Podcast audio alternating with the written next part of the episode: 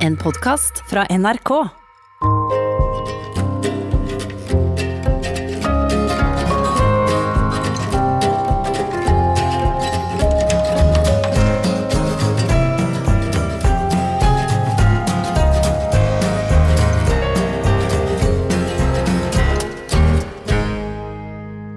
Jeg er Morten Joakim. Jeg er teatersjef ved Haugesund Teater, men jeg er jo ganske mye mer enn det.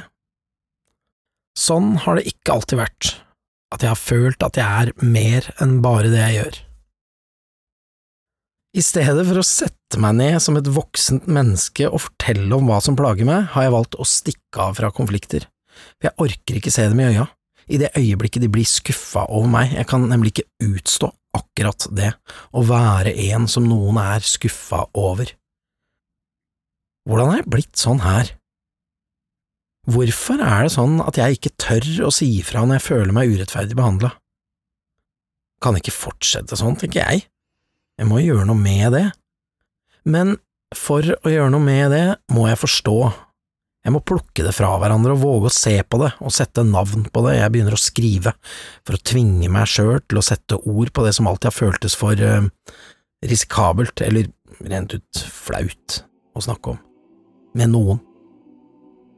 Det handler ikke om mot eller løvetann. Det handler om å være liten og redd for å ikke være bra nok.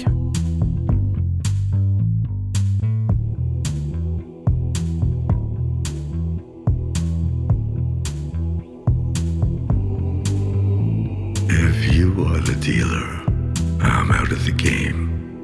If you are the healer, means I'm broken and lame. If thine is the glory, then mine must be the shame. You want it darker.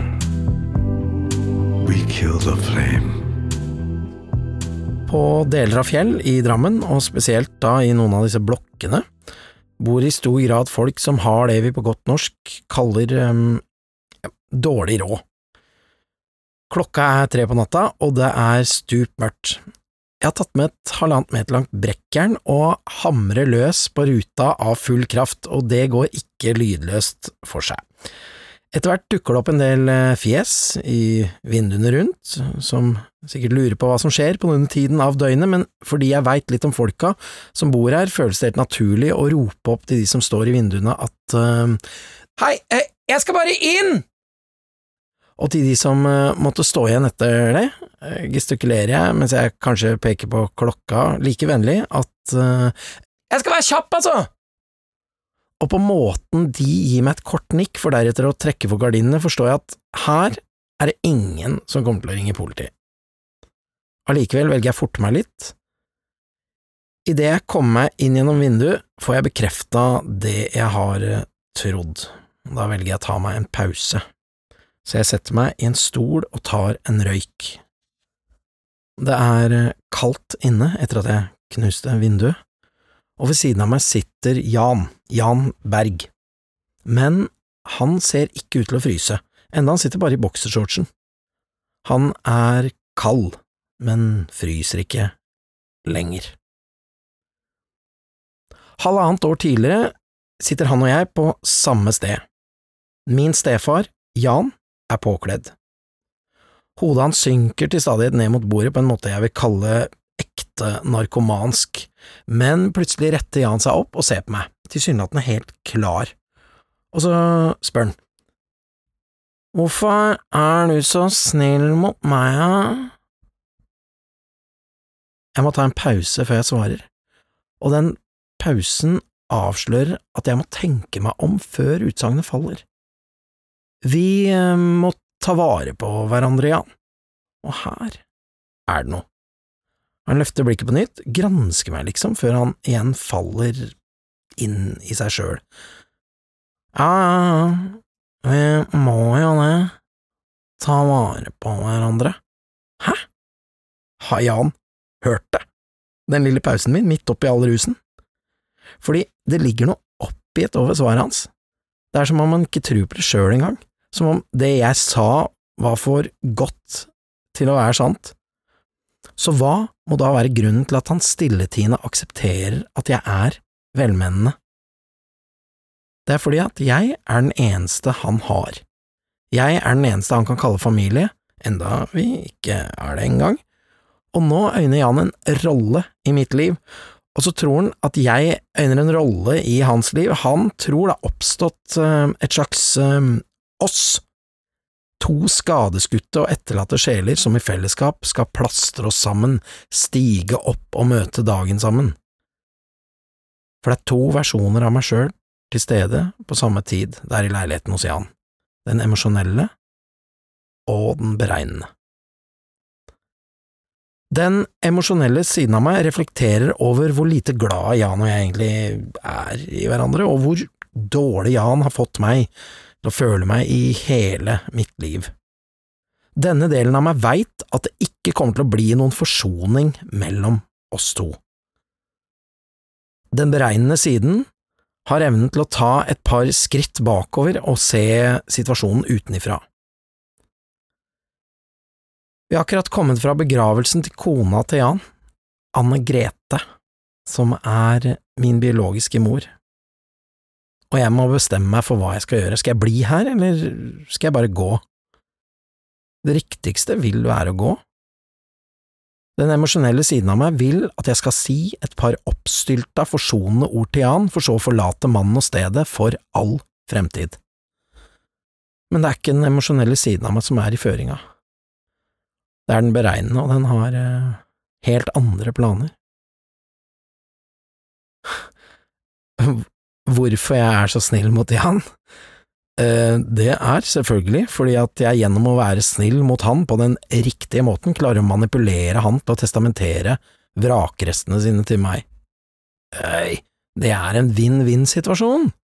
Han kommer til å føle seg edel, men tror han at jeg kommer til å glemme hva slags unyttig og truende og alkoholisert dritt han er, bare fordi han er svak nå?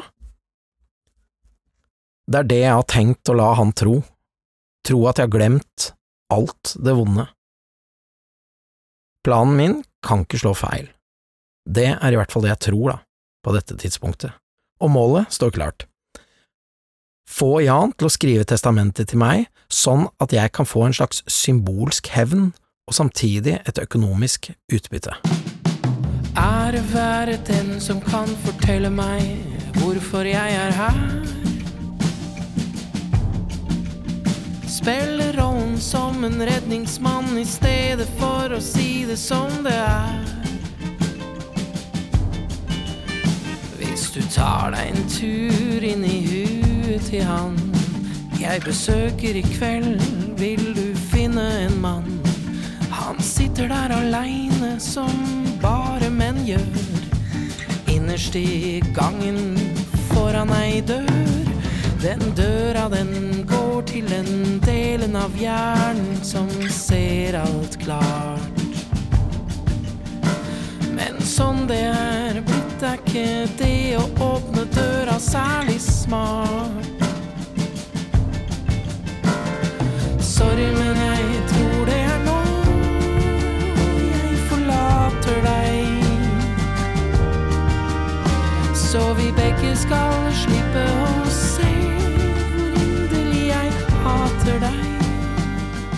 Du hører på Sommer i P2, og jeg, Morten Joakim, forteller om å være livredd for å ikke være viktigst for noen.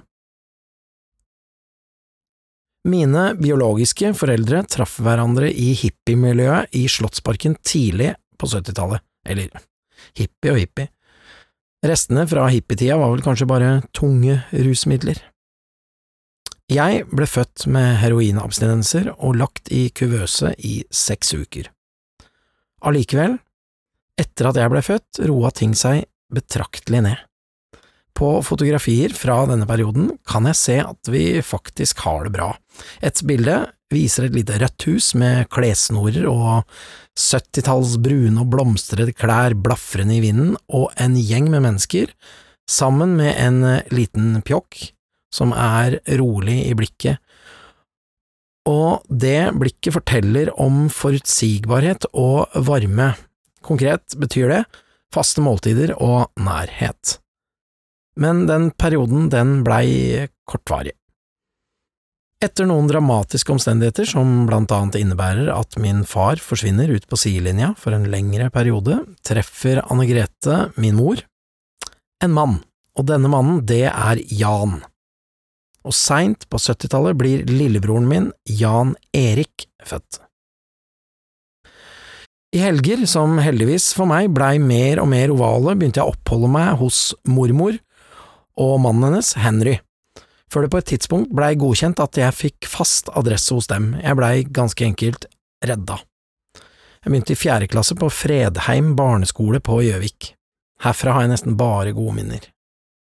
Men livet til lillebroren min, det blei en slags oppskrift på hvordan du skal knekke håpet i et menneske.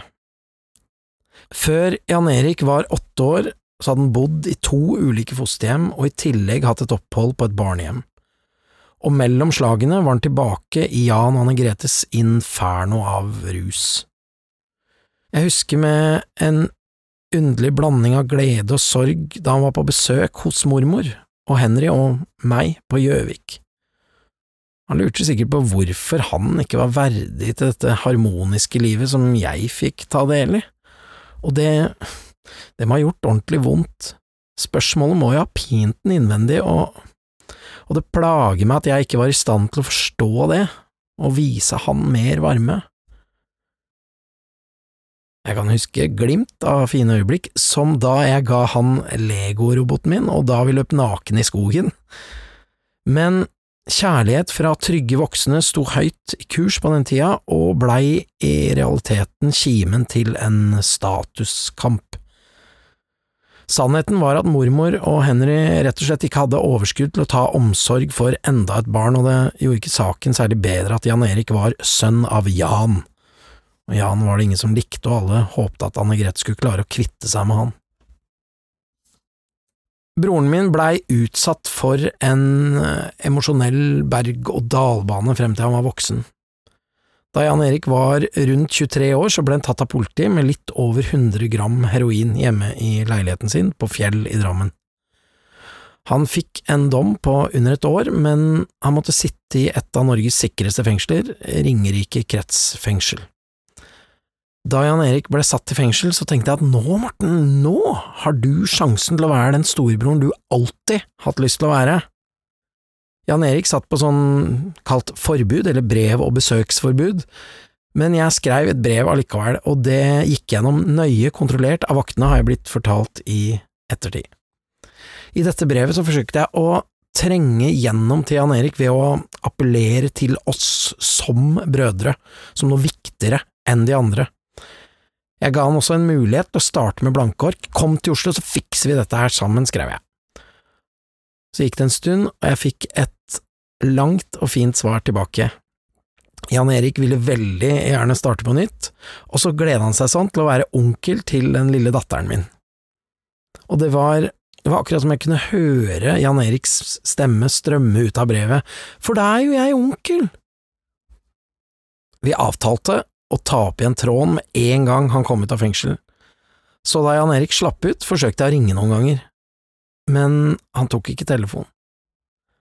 Nå etterpå skjønner jeg jo at grunnen til det var at han skamma seg, han har blitt sugd rett tilbake i det gamle miljøet, og dette ville ikke han innrømme til meg, han ville ikke vise seg som en fyr uten fremgang, og jeg klarte ikke å… eller, jeg…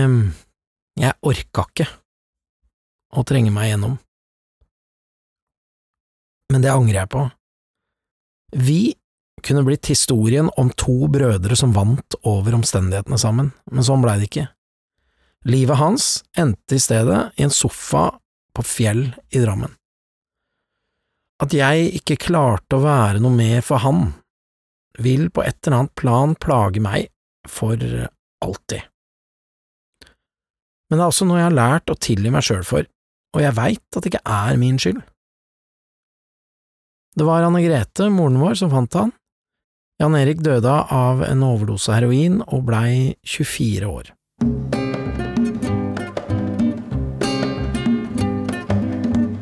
Somliga går med trasiga skor Säg vad beror det på? Fader som i himmelen kanske vil ha det så Gud Fader som i himmelen bor blundar og sover søtt. Vem bryr seg om et par trasige sko när man är gammal och trött Jeg, Morten Joakim, har jo en egenverdi. Men for å kunne føle det, måtte jeg erkjenne min største svakhet, en svakhet som ikke er min skyld, men likevel er det jeg som har fått den, og bare jeg som kan gjøre noe med den.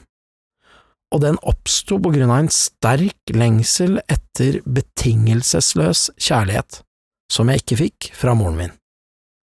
Lengsel etter å være en som det er verdt å kjempe for.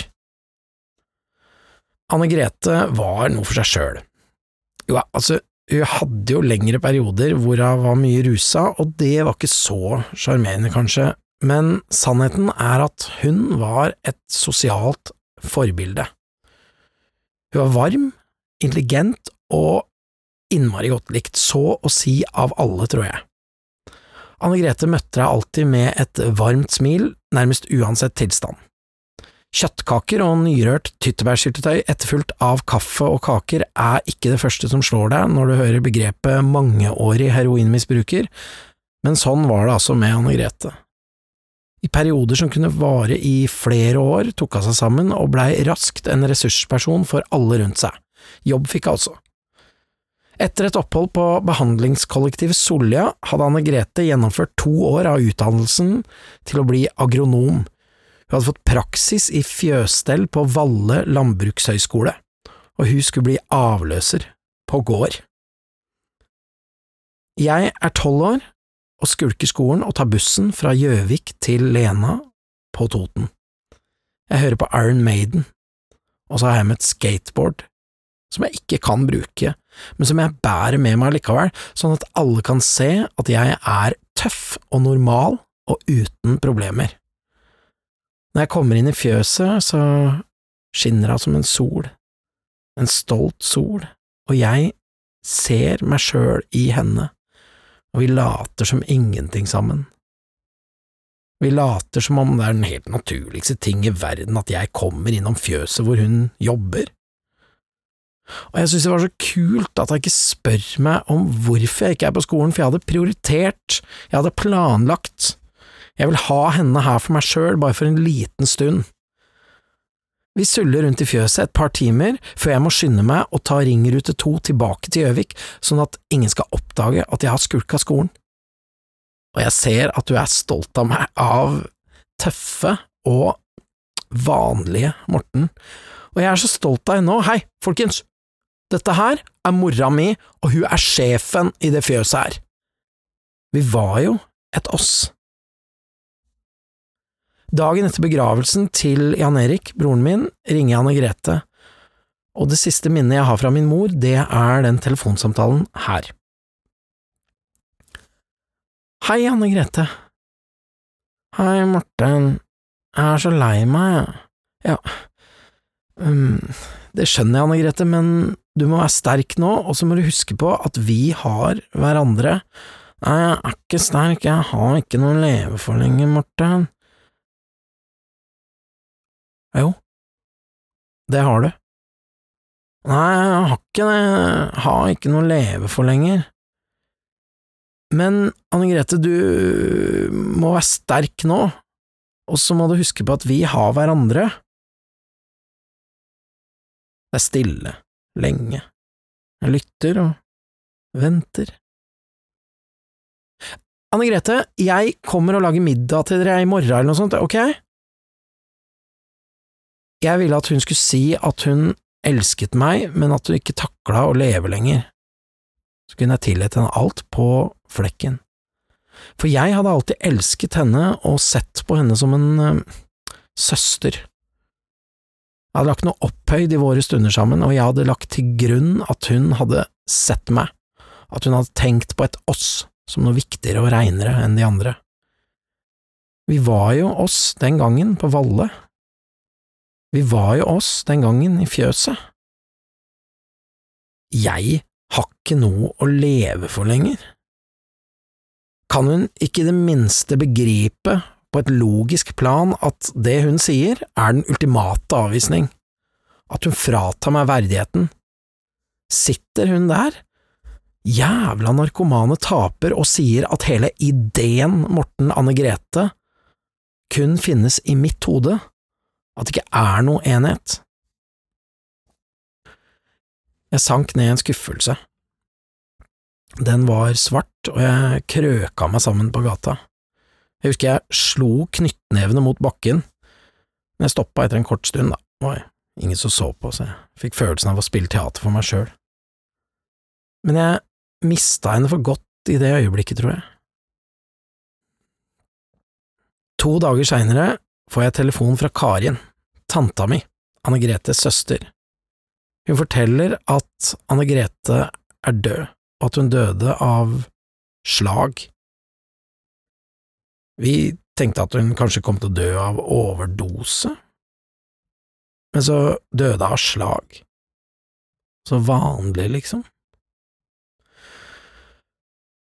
Barn i dysfunksjonelle hjem lever ofte i håpet om at foreldrene en dag skal reise seg, at de i et klart øyeblikk skal la kjærligheten trumfe og bli ekte mamma og pappa igjen. Å si at telefonsamtalen med Anne Grete rysta meg, det er ikke dekkende, og den tok heller ikke fra meg verdigheten min.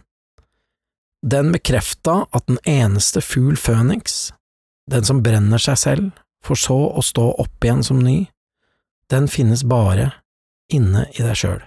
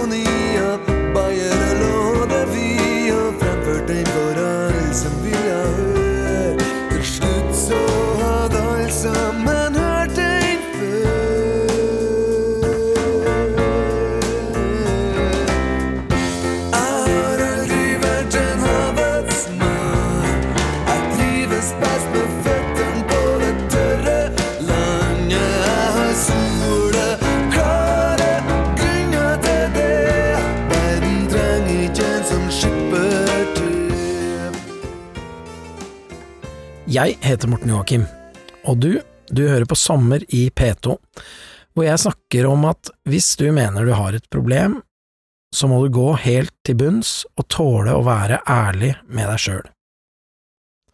Om du lar det ligge noe slagg der, så fører det bare til et emosjonelt stress seinere, igjen og igjen. Da kan du på en måte ikke stole på de refleksjonene du har rundt deg sjøl, for du veit at på et eller annet nivå så ljuger du. Jeg, det voksne barnet Morten, føler skam, skam ved å være valgt bort til fordel for rus av mora mi. Men hvor starta den? Den starta med vissheten om at mora mi ikke klarte å velge å la være å ruse seg fremfor å passe på meg og lillebroren min. Hun hadde jo et valg, hun også, som alle andre, men hun klarte det ikke. Og sammen med en hel masse andre dårlige valg valgte hun en mann, stefaren min, som kanskje var det dårligste valget av dem alle. Ikke før han døde kom noe godt ut av det valget for min del. Og alt som skjedde før hun døde, før broren min døde og før stefaren min døde, der starta skammen. Uten å ville, kanskje til og med uten å vite det, har jeg båret det med meg fram til nå. Alle formene for svik som gjorde at jeg aldri kalte henne mamma, men Anne Grete. Redningen for meg blei mormor og hennes nye mann, Henry. Det var de som tok vare på meg i vanskelige perioder tidlig i livet, og som etter hvert åpna hjemmet sitt for meg på permanent basis. For meg vil de alltid være mamma og pappa. Mormor fikk to barn. Først tante Karin. Hun var den streite og kloke søstera til mora mi. Og så fikk hun Anne Grete, min mor. Disse barna fikk hun med en rusmisbruker, en alkoholiker med uforutsigbart humør. Denne fyren blei etter hvert så vanskelig å leve med at mormor så seg nødt til å rømme, så hun rømte. Dessverre uten døtrene. Jeg tror tante Karin akkurat hadde flytta hjemmefra, men Anne Grete var 14–15 år på den tida, og venner av Grete har fortalt meg at det var en stor sorg for henne å bli etterlatt sånn hos sin alkoholiserte far. Og det er kanskje her Anne Gretes tragedie starta, at noe sprakk i henne, kanskje, kanskje hele grunnmuren. Du kan si mye om mormor, mye bra, og noen andre ting, men først og fremst må jeg si at hun er den av alle som har vært mest betingelsesløst på mitt parti, ingen nøling. Jeg har alltid hatt på følelsen av at jeg har vært hennes revansje, en ny sjanse til å ikke svikte, så derfor skjemte jeg meg bort. Det var godteri i belønning for den minste ting. Hele ungdomsskolen og ut andre klasse på videregående fikk jeg frokost på senga hver dag. Brødskiver med nyrørt jordbærsyltetøy, et glass juice, og ved siden av frokosten så lå det en temperert, fuktig klut jeg kunne gni søvnen ut av ansiktet med. Jeg fikk fiskeoljepiller, fordi det hadde nemlig stått i Norsk Ukeblad at eh, det kunne ha en intelligensfremmende effekt. Psykologene jeg traff ved overgangen fra mellom barneskole og ungdomsskole, de hadde konkludert med at jeg lå et lite stykke bak i den kognitive utviklingen, og at det ikke var uh, særlig sannsynlig at jeg kom til å ta igjen det med det første, så vi måtte nok leve med at jeg rett og slett var litt dum. Og jeg husker noen frustrerende tester, og felles for dem var at de ofte var i gang før jeg skjønte det. Men dette her skulle ikke mormor ha noe av, så hun ga meg fiskeoljepiller men ikke bare det. Fra nå av så begynte mormor med jevnlige treningsøkter i hukommelse. På kveldstid, før jeg skulle legge meg, så satt vi flere ganger i uka og gjorde hukommelsesøvelser, noe som gjør at jeg den dag i dag kan huske relativt mange tall, detaljer og ord i rekkefølge. Henry, han tok seg av den psykiske utholdenheten, og jeg måtte si ting høyt, han ga seg ikke før jeg sa det med et slags tonefall han trodde på. En ting jeg måtte si, var for eksempel Jeg gir meg aldri. Jeg gir meg aldri. Mormor og Henry ga meg barndomsminner, identitet og tjukk hud. Kanskje litt for tjukk hud, men uansett hvor mye rare og ukloke ting mormor gjorde, så vil det alltid stå for meg som at de begge kom inn i livet mitt som et sterkt, sterkt lys.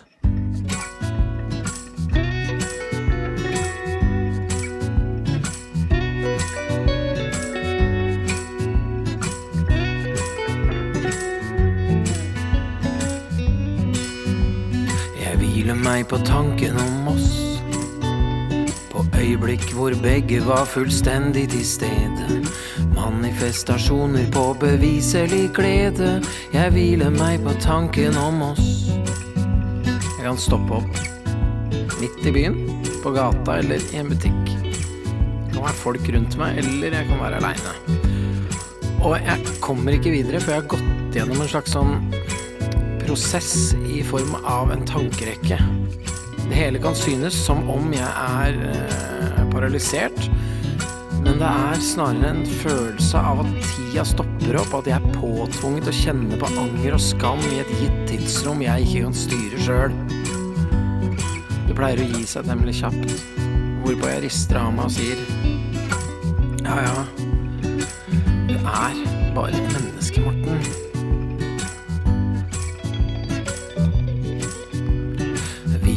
På tanken om oss. Året etter at Anne Grete døde, blei litt annerledes enn det jeg hadde forestilt meg. Jeg hadde bestemt meg for å hjelpe Jan, men bare for å lure han til å tro at han betydde noe for meg. Jeg skulle late som om det fantes et vi, sånn at jeg skulle arve han. Men så skjedde det noe. Jan slutta med heroin. Men han gjorde det helt klart at han ikke hadde noen planer om å slutte å drikke sine 15–20 halvliter om dagen. Et sted fikk grensen gå. Så begynte han å selge hasj, ikke store mengder på en gang, ikke sånn som du kommer rett i fengsel av, men han hadde mange kunder og var diskré. Jeg skal aldri bli blakk igjen, jeg, Hans Morten, aldri, ass! Med fravær av konstant økonomisk underskudd begynte Jan plutselig å bry seg. Jeg avfeide det som at han gjorde handlinger som kjennetegner det å bry seg, men etter hvert så blei det litt vanskelig å se bort ifra at det var ganske kule ting han gjorde. Han kjøpte ski til dattera mi og ringte og spurte åssen det gikk og sånn, og så ville han alltid ta med meg ut på middag i Drammen. Men jeg ville være uberørt. Jeg ville være uberørt. Men jeg klarer det jo for faen ikke! Jeg klarte det ikke, jeg begynte sakte, men sikkert å bry meg, jeg også. Hvorfor kunne du ikke begynt litt før, Jan? Hvorfor måtte du miste kona di og sønnen din før du klarte å bli en ålreit fyr? Jeg vil jo ikke like deg, hører du, jeg hater jo deg, jeg vil ikke! Men jeg gjør det! Jeg synes til og med at det er gøy å være med deg! Noen måneder seinere er jeg på biltur, og da forsøker jeg å ringe Jan flere ganger uten at han svarer, og jeg bare kjenner det på meg at uh, Jan er død. Han og jeg hadde en helt klar avtale om at han alltid skulle ta telefonen om det var jeg som ringte. Så noen få timer seinere knuser jeg vinduet på Fjell fra utsida, krabber inn og får bekrefta det jeg har trodd. Så da døde du endelig, Jan. Det var jo det som var planen, da. Jeg hadde trodd at jeg skulle føle en slags glede i det øyeblikket her, jeg gjør ikke det. Men jeg føler en fred, en fred over at jeg ikke hater Jan lenger. Det jeg planla, har skjedd. Jan har for flere måneder siden testamentert alt til meg, og på sett og vis tror jeg han er litt fornøyd, fordi han har fred, han også. Han må ha visst det, at han skulle dø. Han har nemlig lagt igjen noen kjærtegn. Søpla er tatt. De tomme ølboksene står opp ned i vasken, og han har eh, rein boksershorts. Da de henter Jan og bærer han inn i ambulansen, oppstår det noe fint til meg, og jeg kjenner at vi har spilt en rolle for hverandre, og jeg griner av glede over å ikke hate han. Og jeg får lyst til å gå bort til sykebilen og si du skal ikke være bekymra for meg. Det kommer til å gå bra med meg, Jan. Helt, helt sikkert. Og forresten, Jan, jeg er eh, glad i deg. Kjære Jan. Jeg har alltid vært så lei meg for at du har vært så kald mot meg. Det, det var som om det viktigste for deg var å få meg til å føle at jeg ikke var en del av din familie. Men jeg forstår jo nå at du alltid har vært liten og redd sjøl. Men uansett, Jan, nå er vi her, og det… det tilgir jeg deg for. Kjære Anne Grete. Jeg har alltid vært så lei meg for at du ikke kunne klare å rive deg løs fra rusen enn da du hadde både Jan Erik og meg. Men jeg forstår at det ikke er helt sånn det funker, du blei tatt av heroin og kom deg aldri løs igjen. Men kjære Anne Grete, det tilgir jeg deg for. Kjære, kjære Jan Erik. Jeg er så lei meg for at ikke du også kunne komme til mormor og få frokost på senga hver dag, og en sånn våt klut du kunne vaske ansiktet ditt med. Var ikke du bra nok, liksom? Og så er jeg så lei meg for at jeg ikke maste mer om det.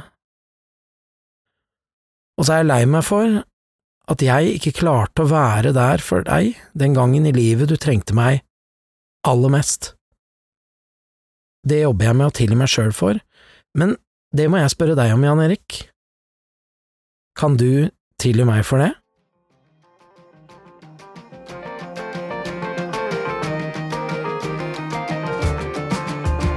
Skal slutte å være så tulling, ærlig. Slutte å